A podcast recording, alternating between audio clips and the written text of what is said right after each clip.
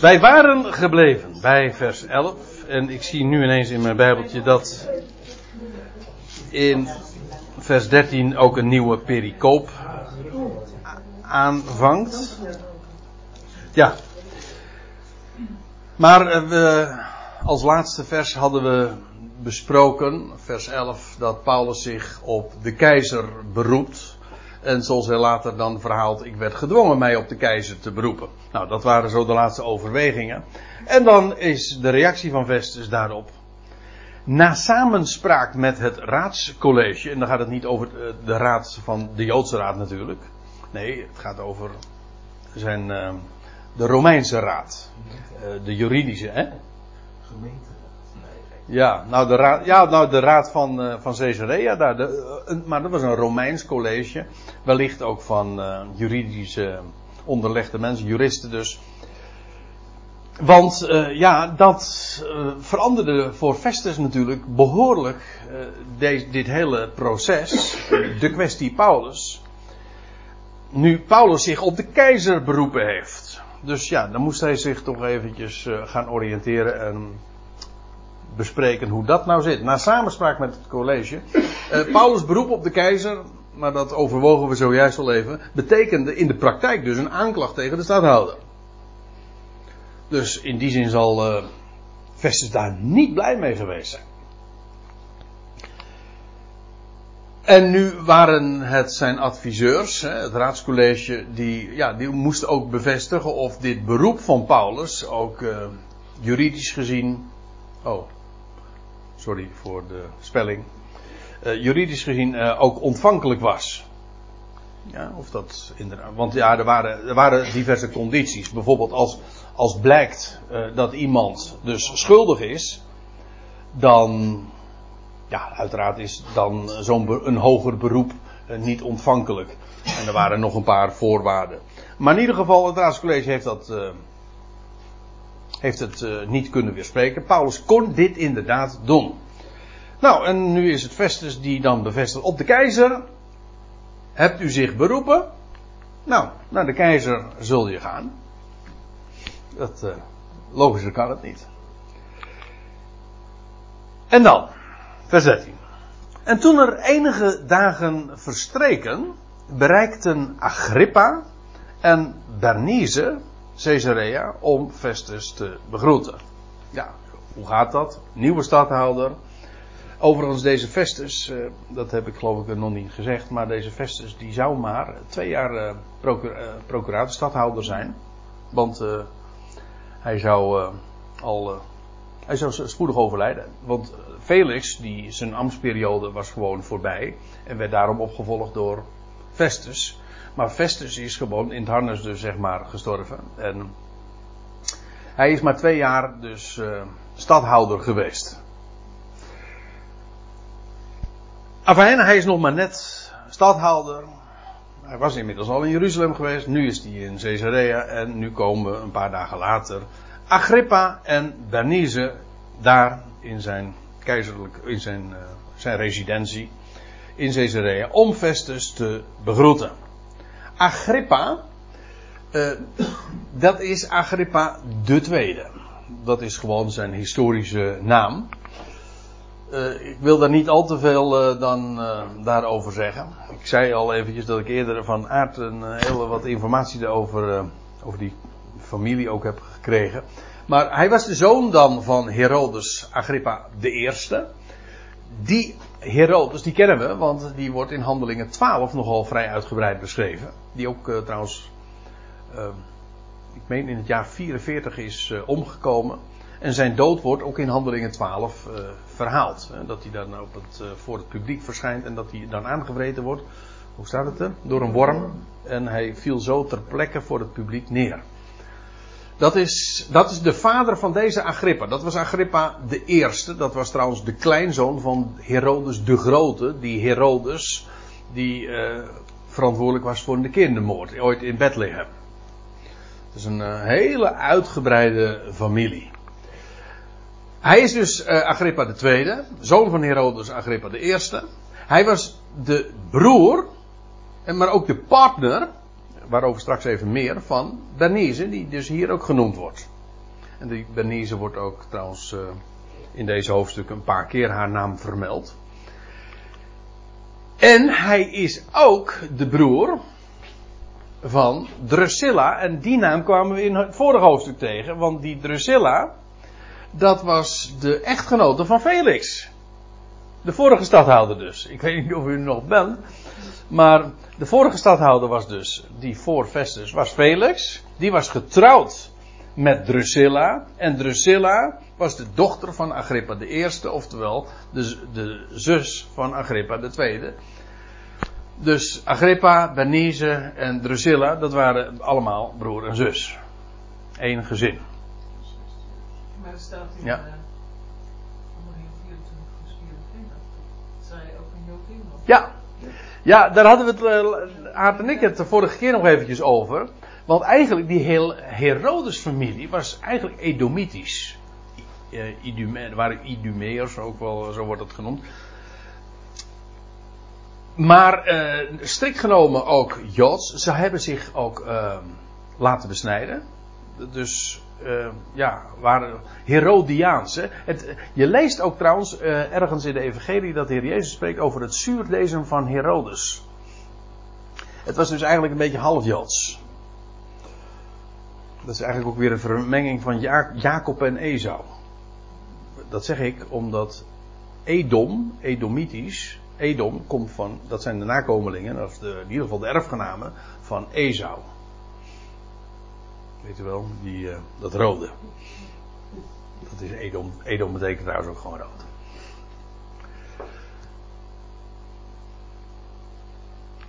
Ja.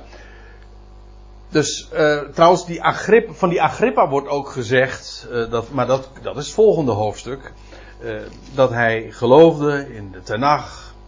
En hij kende de profeten en hij was een buitengewoon kenner ook van de, de Joodse godsdienst. Daarom wordt hij trouwens ook nu opgevoerd en is zijn, die hele geschiedenis wordt uitgebreid beschreven.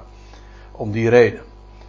Dus dat eventjes over uh, Agrippa. Dat was dus de koning, maar wel helemaal onder Romeins, hoe zeg je dat? Protectoraat. Protectoraat, ja, om het even deftig te zeggen. Van, uh, ja, protectoraat van, onder protectoraat van de, van de Romeinen.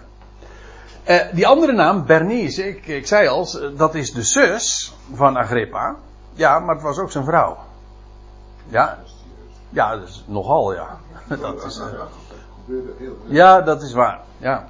En, uh, nou ja, die, oh, deze Agrippa de tweede. oh, wacht even, dat had ik eventjes anders moeten doen. Dat ga ik thuis ook nog eventjes veranderen, want hier had ik moeten zetten Bernice. Ze was sinds 48 AD, dus dit is trouwens geen bijbelsinformatie hoor. Dit vinden we gewoon in andere bronnen, vermoedelijk ook vooral weer van um, Flavius Josephus. Ze was sinds 48, dus zeg maar een jaar of 12, uh, terug voor deze geschiedenis, was zij de weduwe van haar oom. Over incest gesproken. Ja, zij, deze Bernice was, ge, was getrouwd met haar, een, een, een oom ook uit de familie van Herodes. Maar die overleed. Toen huwde ze met de koning van Cilicië. Waar trouwens Paulus vandaan kwam. Hè, die, uh, Tarsus, van, dat lag in Cilicië. Um, maar die, daar was ze mee getrouwd, maar ze heeft hem verlaten. Met die, die koning van Cilicië, met wie ze dus hertrouwd was. Maar ze verliet deze om samen te gaan leven met haar broer. Deze Agrippa dus. Later lees je, nou lees je niet in de Bijbel bedoel ik, maar uh, is, is van haar bekend. Trouwens, deze relatie, ik zeg het, het, want het kwam vaker voor, maar ik heb begrepen, ik kan het dus niet Bijbels onderbouwen, maar dat tot in Rome toe werd hier uh, zeer kwalijk over gesproken, over, wat die, uh, over de relatie tussen Agrippa en Bernice. Maar het laat zich denken. Dat lijkt me ook echt een uh, mooi verhaal voor een story, hè? of privé. en dan kun je, daar kun je echt een serie van maken hoor. en ja, want we gaan het verhaal dan nog even compl compleet maken. Hè? Want als we dan toch in de sfeer van de, van de achterklap zijn. Ze, ze wordt later, is ze de matresse van keizer Titus. De keizer dus. En, dan is het de maîtresse. En dan heeft ze de broer kennelijk ook weer verlaten. Maar uh, dat is dus wel een portret. Die Bernice. Hoe dan ook, in dit geval uh, treden zij, worden hun namen opgevoerd omdat ze feitelijk het koninklijk echtpaar zijn. Die op bezoek gaan bij de nieuwbakken stadhouder. Daar in Caesarea om Festus te begroeten. Dus dat was de koning van dat hele gebied? Agrippa. Ja. Ja. ja. Hoe, dat, hoe, die, uh, hoe dan dat stadhouderschap zich dan weer ver, verhouden, verhield, zeg je dat? met, de, met, met het koningschap? God, dat is een goede vraag. Dat, ook, dat weet ik niet. of, of het gebied ook helemaal samenviel. Ik denk het niet. Dat... De vader, zal ik zeggen, de Herodes Agrippa die de Heer Jezus eigenlijk dan te zien krijgt, ja? was over uit Caesarea. En Pilatus wist namelijk dat hij dat gebied, daar was hij, had hij het beheer over. Ja. Het beheer over Jeruzalem. Ze kwamen namelijk, als het Pasen was, kwam hij dus naar Jeruzalem. Dus die Herodes was daar niet altijd. Nee. Dus toen Jezus eigenlijk van Pilatus dacht hij van nou nee, hij komt dus uit het noordelijk deel vandaan. Dus ik zou hem sturen naar Herodes. Die dus uit het noordelijk gebied eigenlijk het beheer van. Ja, maar het is wel. Ja, maar je leest ook. Of zeggen, is dat nu precies wat je zegt? De. de de, de, de, het paleis van Herodes bevond zich in Caesarea. Ja. Ja. Hij was over met Pasen, kwam hij dan om dat feest te vieren in Jeruzalem. Maar de stadhouder Pilatus dan? Waar woonde die? Die zat ook in Jeruzalem. Ja, toen. Ja, maar Bij de. Maar wacht eventjes. Pilatus, Ze, beide dus beiden hadden ze dus een residentie. in Caesarea. Caesarea. Als Ja. het dan feest was, Dan gingen ze naar Jeruzalem. Ja, oké. Ja. Je leest ook trouwens dat bij, bij die gelegenheid dat ze met elkaar eh, bevriend raken. Vanwege. Daarvoor niet. Dus eh, we leefden dus op een gespannen voet. Dus. is een heel. want ja, want zo, dat hele koningschap. eh, Hij was koning van de Joden. Die Agrippa natuurlijk. Of die hele Herodes-familie. Het was een dynastie. En feitelijk onder toelating. Onder protectoraat, zoals jij dat zei. Van de Romeinen. Maar het was in feite een Joodse aangelegenheid, toch? Onder eh, voorwaarden. Dus. Maar hoe die precieze verhouding, hoe dat allemaal politiek gezien geregeld was, weet ik niet.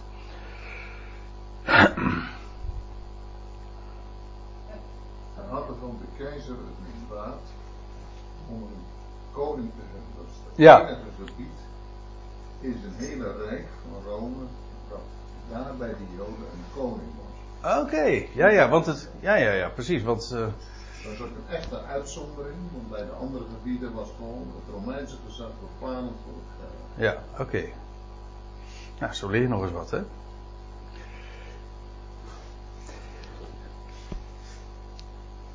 Het koninklijk echtpaar, we pakken de draad op, weer. Het koninklijk echtpaar komt op bezoek, daar bij Festus, in Caesarea. En toen zij nu meerdere dagen daar vertoefden, ja, dat is ook wel eh, aardig, want, eh, nou ja, daar hadden we het dus over. Dat paleis van Herodes, we, we hebben dat ook nog in hoofdstuk 23 gelezen, dat bevond zich daar in, in Caesarea. Dus die betekent, dat betekent dat nu Agrippa en Benize, broer en zus ook, die waren ooit opgegroeid daar. Dus ze komen nu officieel op bezoek bij Festus. Jawel, maar ze, ze hebben daar als kind gespeeld en daar waren ze, daar waren ze ooit eh, opgegroeid. Eh, bij eh, papa Agrippa de Eerste, zeg maar. Toen zij nu meerdere dagen daar in Caesarea vertoefden, legde Festus aan de koning de zaken van Paulus voor. En zei, er is onder Felix een zekere man als gevangene achtergelaten. Je voelt hem eigenlijk al zitten van, hij zit hiermee in zijn maag. Hij weet niet goed wat hij hiermee aan moet. En nu deze koning der Joden, die toch gewoon qua positie zoveel dichter bij de Joden staat eh, als, eh, als ik. Eh, wat zal die daarvan zeggen? Wat is zijn advies? Er is onder Felix een zekere man als gevangene achtergelaten, omtrent wie bij mijn komst in, in Jeruzalem, dat zegt dus die Festus, hè, omtrent wie bij mijn komst in Jeruzalem de hoge priesters, de oudste van de Joden, zich kenbaar maakten, ook weer diezelfde juridische term waar we het al even over hadden, eh, die dus een aanklacht indiende, verzoekend om zijn schuld, schuldigverklaring. Hij introduceert die Paulus dus eventjes. Ze wilden, hij zegt, de Joden die willen daar in Jeruzalem, die willen dat ik hem schuldig verklaar. En toen hij zegt, ik antwoordde hen dat het niet het gebruik is bij Romeinen een mens bij wijze van gunst uit te leveren, voordat de beschuldigde eerst zijn beschuldigers van aangezicht mogen zien. Dat wil zeggen, eh, het, het Romeinse recht eh, regelt het zo dat als daar inderdaad een aanklacht is, dan moet de beschuldigde eerst gewoon van aangezicht tot aangezicht zijn beschuldigers te woord kunnen staan en hoor en wederhoor plaatsvinden. En eh, ook gelegenheid krijgt dan de beschuldigde dus zich te verdedigen omtrent de aanklacht. Nou, zegt eh, die, eh, die Festus verder tegen koning Herodes, tegen deze Agrippa. Toen zij dan in deze plaats samenkwamen, hier in Caesarea, ben ik zonder enig uitstel, dat, want ik zei al, hij, hij treedt heel wat doortastender op dan zijn voorganger Felix, want die liet de za- zaak maar gewoon op zijn beloop. Hij zei, toen ben ik zonder enig uitstel eh, de volgende dag gaan zitten op het podium en ik beval de man voor te leiden. We hebben dit allemaal gelezen. Hij vertelt het verhaal nog een keer feitelijk. Dus ik ga er nu ook een beetje snel doorheen. En de beschuldigers rondom hem staande, al die Joden die toen daar hun aanklacht eh, indienden, voerden geen enkele reden op van de boosaardige dingen die ik vermoedde, zegt Festus. Ik had gedacht van nou, nou gaat het, nou gaat het. Felix vermoedde dus dat die Paulus echt een halsmisdaad zou hebben gepleegd. Halsmisdaad, dat is dus een misdaad waar, je, waar de doodstraf, doodstraf op staat. Hij zegt, maar eh, dat, dat vroegen ze wel van mij, dat ik dat uit zou spreken, hem schuldig zou verklaren en, en hem zou eh, veroordelen tot de dood. Hij zegt, maar ik, ik, zij voerden geen enkele reden op voor datgene waarvoor ze hem wel beschuldigden. Maar, zegt hij dan, ze hadden enige kwesties omtrent hun eigen religie, hun eigen godsdienst naar hem toe. Waarmee hij dus eigenlijk zegt, het was gewoon een religieus conflict daar in dat, onder hun volksgenoten. En daarmee serveert hij het ook af en zegt van, dat, daar heb ik helemaal geen boodschap aan. Is trouwens leuk. Nou ja, leuk. Eh, dit woord religie, eh, dat is in het eh, Grieks daisi daimonia. Hoe, zeg het eens eh, goed. Ja, is goed. Oké, oké. Want ja. Het is een hele mond vol. Maar je herkent daarin het woordje demonen in natuurlijk. Betekent namelijk ook letterlijk beduchtheid. Zeg maar angst voor demonen. Dat is eigenlijk het woord. Voor, waarbij ik trouwens moet zeggen dat het woordje demonen in, eh, in het Grieks van de Bijbel niet de betekenis heeft die het bij ons heeft gekregen. Bij, wij denken bij demonen meteen aan eh, een hele zwartgallige. Nou ja, het is net 1 november geweest aan, aan de Halloween-achtige vers- verschijning. Dat is niet het idee bij demonen wat eh, in, in het Nieuwe Testament. Als je het woordje demon tegenkomt, dat is eigenlijk dat is een Grieks begrip. Het was namelijk gewoon de aanduiding voor hun, godden, voor hun goden. Hun goden werden demonen genoemd. Daar zit nog een verhaal aan vast. Maar zij dachten dus bij demonen helemaal niet per definitie aan boze geesten. Zo wordt het in onze vertaling heel vaak weergegeven. Boze geesten. Ja, dat is interpretatie. Het zijn demonen. En, en, en- met Griekse oren, als je dat. eh, hoorde, dacht je helemaal niet.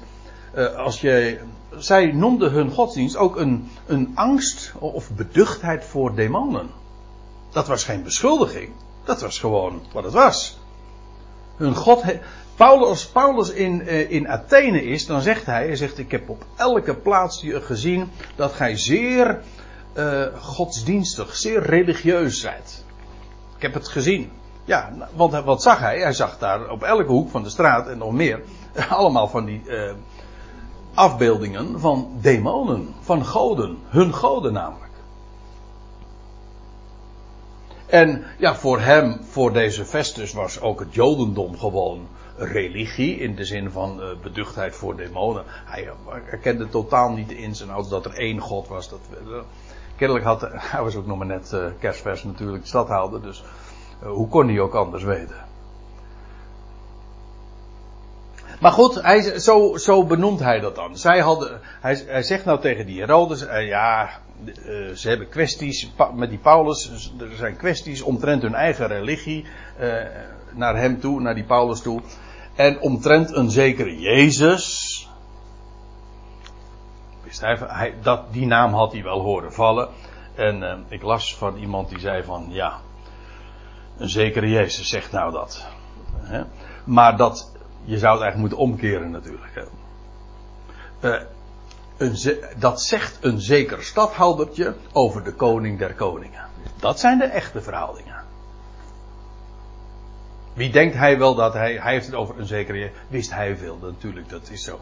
Wist hij veel. Maar we hebben, als het er nou helemaal om gaat, hij was een stadhoudertje.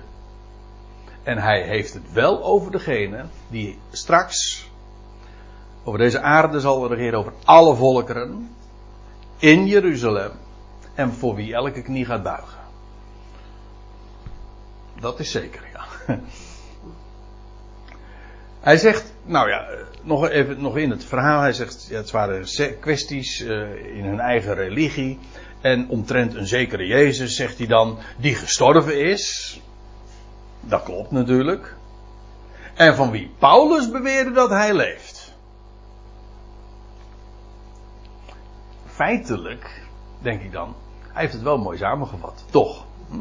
Hij begreep niet waar hij het over had. Maar wat eigenlijk, wat hij zegt, ja, wat, wat is de boodschap nou van de evangelie? Nou, dat er iemand is, een zekere Jezus. Paulus zou dan zeggen, hm, zoals geschreven staat, die is gestorven naar de schriften, uh, begraven naar de schriften, en opgewekt naar de schriften. Ja, en vele getuigen verschenen enzovoorts inderdaad, hij leeft. En Paulus zelf was een ooggetuige. Nou, dat was. Dat is de boodschap. De dood is overwonnen. En dat begreep hij allemaal niet. Maar hij had, dit had hij in ieder geval wel vernomen.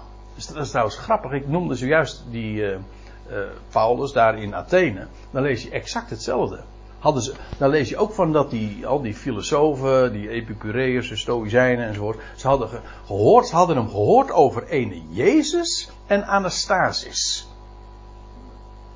Ze dachten, dat zal wel een godheid zijn, een demon, een van de Nee, maar ze hadden hem, voor twee namen hadden ze wel gehoord. Of twee begrippen. Jezus en, die, en de Anastasis, dat wil zeggen de opstanding. Dat klopt. Dat is de boodschap. Jezus, Jawel, die redt. Hij is gestorven, wat meer is, hij is opgewekt. Dat is wat Paulus beweert. Ja. Nou, dat is wat, hij zegt, dat is wat die Paulus dan beweert. Nou, en nou komt hij uh, uit de kast, zeg maar. Want hij erkent wat, uh, wat, waarom hij nu Herodes hiermee gaat lastigvallen. Nou ja, dat blijkt uiteindelijk geen lastigvallen te zijn, want Herodes die wilde ook wel meer weten. Maar nou zegt hij, uh, dit. Hij zegt, omdat ik geen raad wist omtrent deze kwestie, zei ik of hij de intentie mocht hebben naar Jeruzalem te gaan en daar geoordeeld te worden omtrent deze dingen. Maar, zegt hij dan, ja, die Paulus die beriep zich om tot het onderzoek van de majesteit bewaard te worden de, de eerbiedwaardige, de majesteit, dat was, hij doelt dan op de keizer. Paulus beriep zich erop dat, hij, dat zijn zaak onderzocht zou worden en uh, gebracht zou worden bij de keizer. Of uh, onder uh, de keizerlijke bevoegdheid. En ik beval dat hij bewaard zou worden totdat ik hem naar de keizer zal opsturen. Nou, dat tot dusver eigenlijk de gang van zaken. Hij is nu in Caesarea. Hij heeft zich op de keizer beroepen.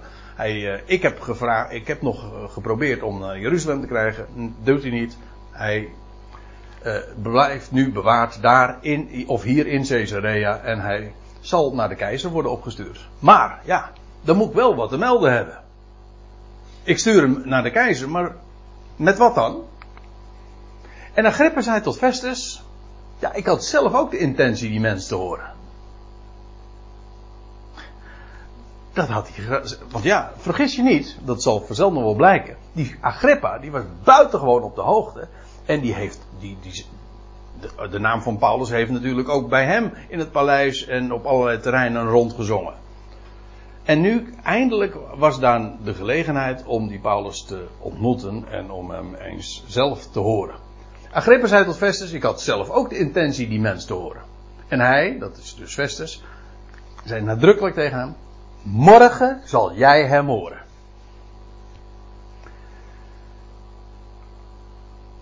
De volgende morgen dan, terwijl Agrippa en Bernice komen, met veel uiterlijk vertoon, leuk hè? Dat staat er, met veel fantasie. oh, eh, er zijn zoveel woorden die wij gebruiken en waarvan we de afkomst eh, ons nauwelijks van bewust zijn, maar die komen gewoon regelrecht uit, het, eh, uit de Griekse taal wandelen hoor.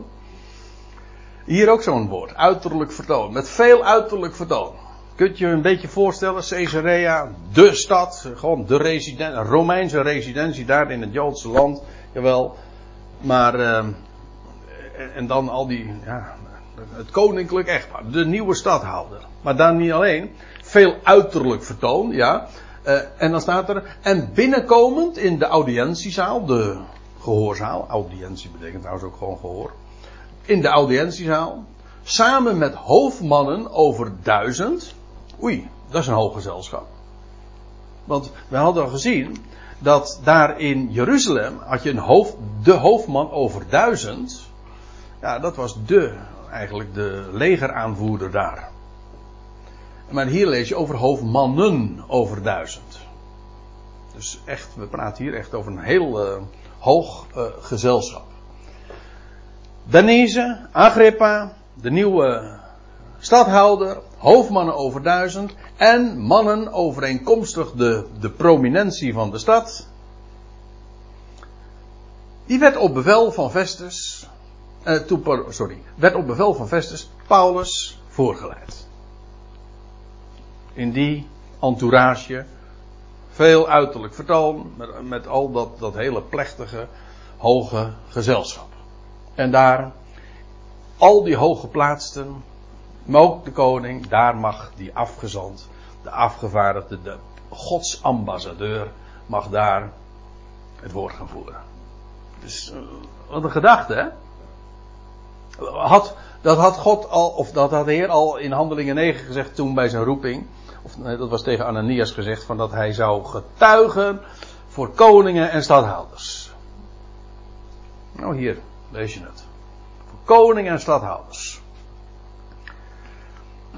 En dit was de gelegenheid. Dus dit uh, was al. Uh,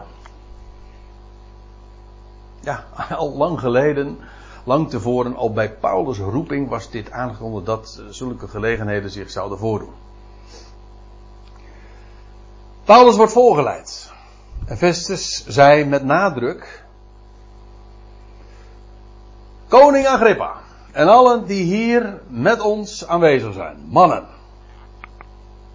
Jullie aanschouwen deze. Over wie de hele menigte van de Joden bij mij pleiten.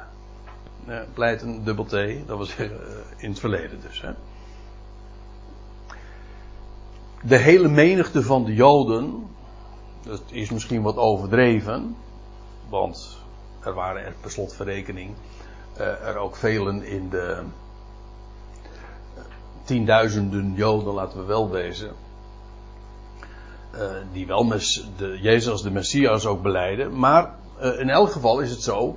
Uh, hun leiders, de vertegenwoordigers van de Joodse natie, die hebben tegen hem gepleit. Zowel in Jeruzalem, al eerder, als ook in deze plaats. En ze roepen om hulp. Zij, die Joden, die roepen om hulp dat hij niet langer behoort te leven. Dat is de wens. Dus nou in dat hoge gezelschap, Festus neemt het, in, het introducerend woord. Hij zegt, Deze man die jullie hier nu zien, hij is voorgeleid. Deze man die behoort niet langer te leven. Dat is de vraag die op mij afgekomen is. Ze roepen mijn hulp in. Hier nu in Caesarea, al eerder in Jeruzalem. Dat is duidelijk. Dat is hun wens. Zo moet het volgens hun gaan. Maar zegt hij, ik begrijp dat hij niet de dood waardig heeft gehandeld. Ik kan op geen enkele grond hem dus ter dood veroordelen of de doodstraf uitvoeren. Maar, zegt hij, omdat hij zichzelf, omdat hij zelf zich beroept op de majesteit, de keizer dus, besluit ik hem te zenden, namelijk naar de keizer. Maar, zegt hij, omtrent wie ik niets zekers heb om aan de Heer te schrijven. Hij zegt, ik ga hem nou zenden naar de keizer. Hij zegt, maar ik kan niks met zekerheid schrijven aan, mijn aan, aan de Heer. De, de Curios. Leuk. Ik, we hadden het er al even eerder over vanavond. Hè, dat de, de Curios, dat is de Heer. Als we zeggen de Heer Jezus, dan zeggen we Curios Jezus. Hij is Heer, hij beheerst en beheert alles, hij is de eigenaar. Maar het is ook de Griekse vertaling van een keizerlijke titel, namelijk de Dominus. Dominus. Hij zegt, hij, heeft zich op de keizer beroepen. Hij gaat naar de keizer toe. Maar ik zal dan toch in ieder geval moeten zeggen van een, een begeleidend schrijver van ja, waarom nou? Hij zegt, ik heb nog niks. Hij zegt, ik heb, ik weet, ik heb niks zekers om hem inderdaad met uh, beargumenteerd naar de keizer te sturen. Daarom heeft hij die Agrippa ook nodig. Dan zegt hij, daarom zegt hij, nou laat ik het gewoon maar lezen. Daarom leidde ik hem aan jullie voor. En vooral aan uw koning Agrippa. Want die andere, daar had hij eigenlijk ook niet zoveel van te verwachten. Maar vooral van koning Agrippa. Zodat gaan, gaande het vragend onderzoek ik iets zou hebben om te schrijven. Want ja, zegt hij, en nou zijn we aan het einde ook van het hoofdstuk meteen gekomen. Het dunkt mij onlogisch een gevangene te zenden zonder ook de redenen tegen hem aan te duiden. Dat is uh, bizar en absurd natuurlijk om nou hem naar de keizer te sturen en dat ik dan niet even aangeef van ja, wat is er nou eigenlijk fout gegaan? Of hoezo hoger beroep? Wat, wat is de zaak eigenlijk? Wat is de beschuldiging? Ik wil toch in ieder geval iets hebben. Ik wil redenen hebben om op te schrijven waarmee ik hem naar de keizer kan sturen. Die, die, tot dusver had hij die niet. En nou legt hij het dus ten einde raad, want hij zit ermee in zijn maag, aan Agrippa voor om dit, ja, nou, nou wil hij het weten van Agrippa. En daarmee komen we in Handelingen 26 aan. Dit is Handelingen 25. We zijn buitengewoon snel gegaan. Dit is uniek in de geschiedenis van deze Bijbelstudieserie. een historische avond. Ja, het is niet alleen een historisch verslag, maar we zijn echt. Uh, we hebben 27 versen in één avond besproken. Dat is ongekend. Ik schaam haast. eh? Nee, ik heb er niks over gedaan. Elk vers, en soms zelfs zinsdeel voor zinsdeel, hebben we het besproken. Maar ik, eh, vanwege het element van herhaling konden we ons dit natuurlijk permitteren. Want de dingen die we nu tegenkwamen in, in, bij Vestus, ja, die kwamen we ook al tegen bij Felix. Dus daarom konden we wat meer snelheid uh, maken. En dat betekent dat we de volgende keer in Handelingen 26 dus uh, verder gaan. En dan gaat Paulus het woord voeren. En vooral richting Agrippa. Dan gaat hij zich verantwoorden naar de koning. Maar dat is dus over, uh, over drie weken. Ja. Het is vandaag 2, dus plus 21, dat zal de 23 november zijn.